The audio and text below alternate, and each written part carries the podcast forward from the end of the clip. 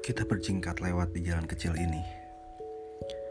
Dengan kaki telanjang, kita berziarah ke kubur orang-orang yang telah melahirkan kita.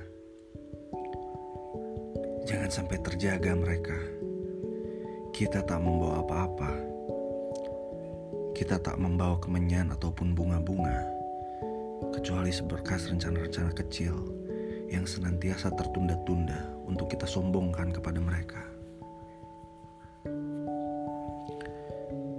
Apakah akan kita jumpai wajah-wajah bengis atau tulang belulang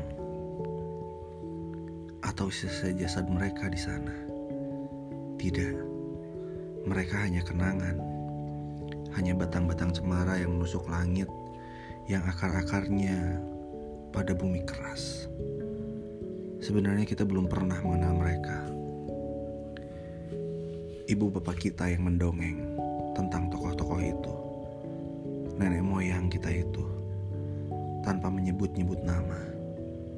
Mereka hanyalah mimpi-mimpi kita, kenangan yang membuat kita merasa pernah ada. Kita berziarah, berjingkatlah sesampai di ujung jalan kecil ini.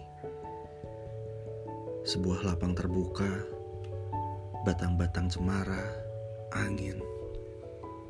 Tak ada bau kemenyan, tak ada bunga-bunga mereka telah tidur sejak abad pertama, semenjak hari pertama itu. Tak ada tulang belulang, tak ada sisa-sisa jasad mereka.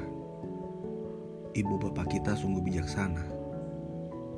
Terjebak kita dalam dongengan Nina Bobo.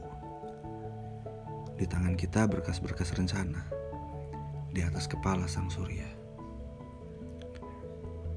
Ziarah Sapardi Djoko Damono 1967